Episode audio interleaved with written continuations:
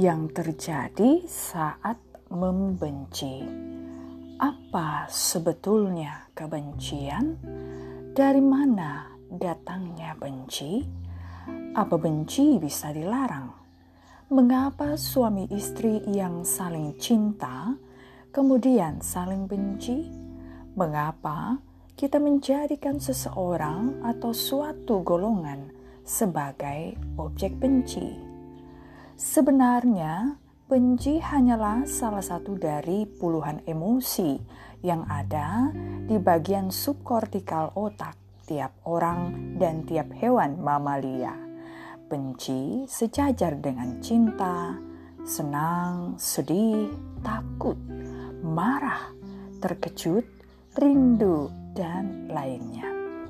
Kalau begitu, Mengapa benci bisa membuat orang berperilaku kurang waras? Misalnya, anak membunuh ibunya sendiri atau pemuka agama membakar rumah ibadah. Mungkin kebencian yang berlangsung puluhan tahun dulunya berawal dari perasaan suka atau tidak suka, like and dislike, tentang perkara sepele Misalnya, tetangga kita suka ngobrol, padahal kita justru kebalikannya, yaitu suka diam. Pada awalnya, perbedaan gaya hidup itu tidak menghalangi hubungan yang baik. Akan tetapi, lambat laun kita mulai muak. Kita kurang senang bertemu dia. Kita kurang menyukai dia. Beberapa bulan kemudian, kita tidak menghadiri perayaan di rumah tetangga itu. Kita pura-pura sakit perut, padahal kita sebal pada dia. Mengapa sebal? Oleh karena dia mulut besar, tukang membual, omong kosong, sombong, tukang buang tempo. Perhatikanlah bahwa kita telah menambah daftar dosa tetangga itu Bukankah sebetulnya dosanya hanya suka ngobrol? Apa yang kita lakukan saat menambah daftar dosa itu? Meminjam istilah psikologi, kita sedang melakukan mekanisme pertahanan diri yang berjenis pembenaran diri atau rasionalisasi diri. Penjelasannya, kita tahu bahwa kita tidak patut membenci Lalu untuk mematutkan atau membenarkan kebencian itu, kita menambah daftar dosa dia. Jika kemudian terjadi insiden kecil antara kita dengan tetangga itu, langsung kita akan memperpanjang lagi daftar dosa itu. Tetangga itu licik, kikir, sok tahu, mau menang sendiri, kurang peduli, kurang tenggang rasa, dan lain sebagainya. Dengan begitu, kita makin benci kepadanya.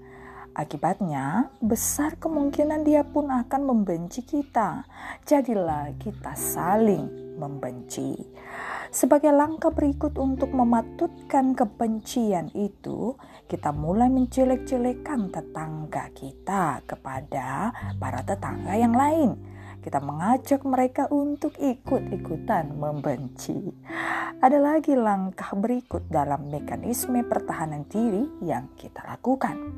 Hmm, kita berkata, aku bukan benci orangnya, tetapi aku membenci perbuatannya.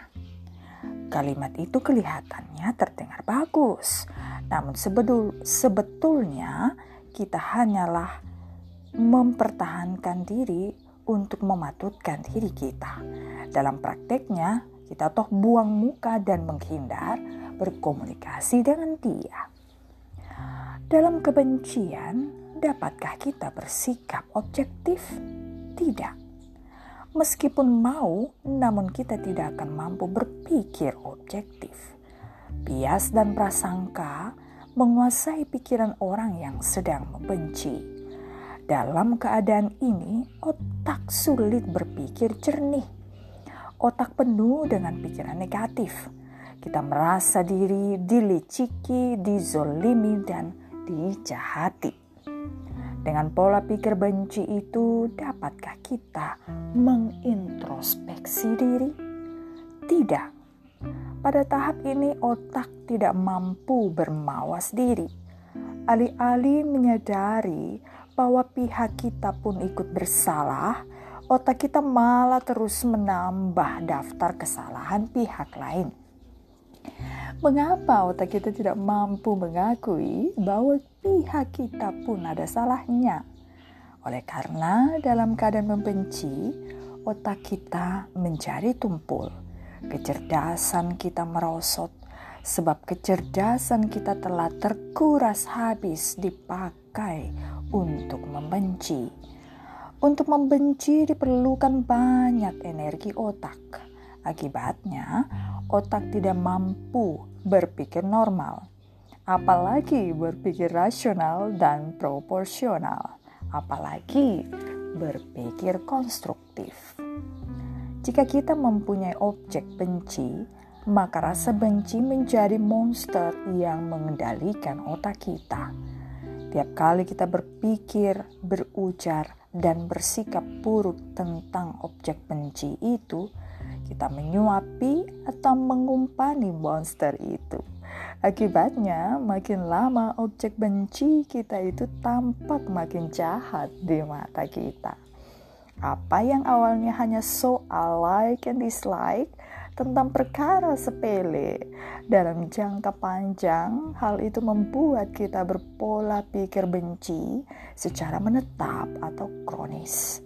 Proses jangka panjang ini berlangsung dalam diri kita tanpa kita sadari. Proses berkembangnya pola pikir benci yang kronis ini sebenarnya rumit. Namun, secara sederhana, itulah tahapan-tahapan berkembangnya psikopatologi kebencian yang sudah diuraikan di awal. Yang mengawali rasa benci dalam diri kita adalah diri kita sendiri. Yang menyuburkannya pun adalah diri kita sendiri. Kelak yang menjadi korban pun adalah diri kita sendiri kita akan menderita karena kebencian yang kita pendam. Unsur-unsur biokimiawi dalam otak kita menimbulkan gangguan obsesif kompulsif berbentuk perilaku neurotik. Belum pula disebut tekanan darah tinggi atau gangguan psikosomatik lain. Dan ciri paling kentar adalah hati gampang jadi panas.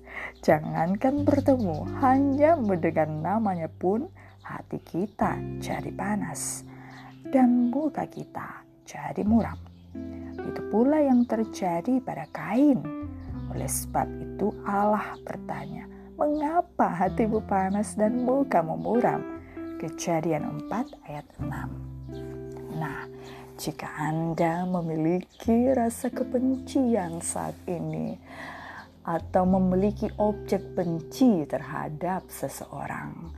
Mulai nih pikir-pikir dan renungkan. Semoga rasa benci dan objek benci Anda itu tidak Anda pelihara dan pupuk terus-menerus sehingga jatuh-jatuhnya akan mengakibatkan sakit hati pada Anda sendiri. Mulailah untuk mengendalikan rasa benci Anda. Kalau tidak mampu, Anda ubah untuk menjadi rasa cinta. Terima kasih sudah mendengarkan podcast Evikula. Ini adalah seri yang terjadi saat membenci karya Andar Ismail dalam Selamat Mengindonesia. Dan saya bangga saya Evikula menuturkannya untuk Anda di podcast Evikula saat ini. Semoga menginspirasi.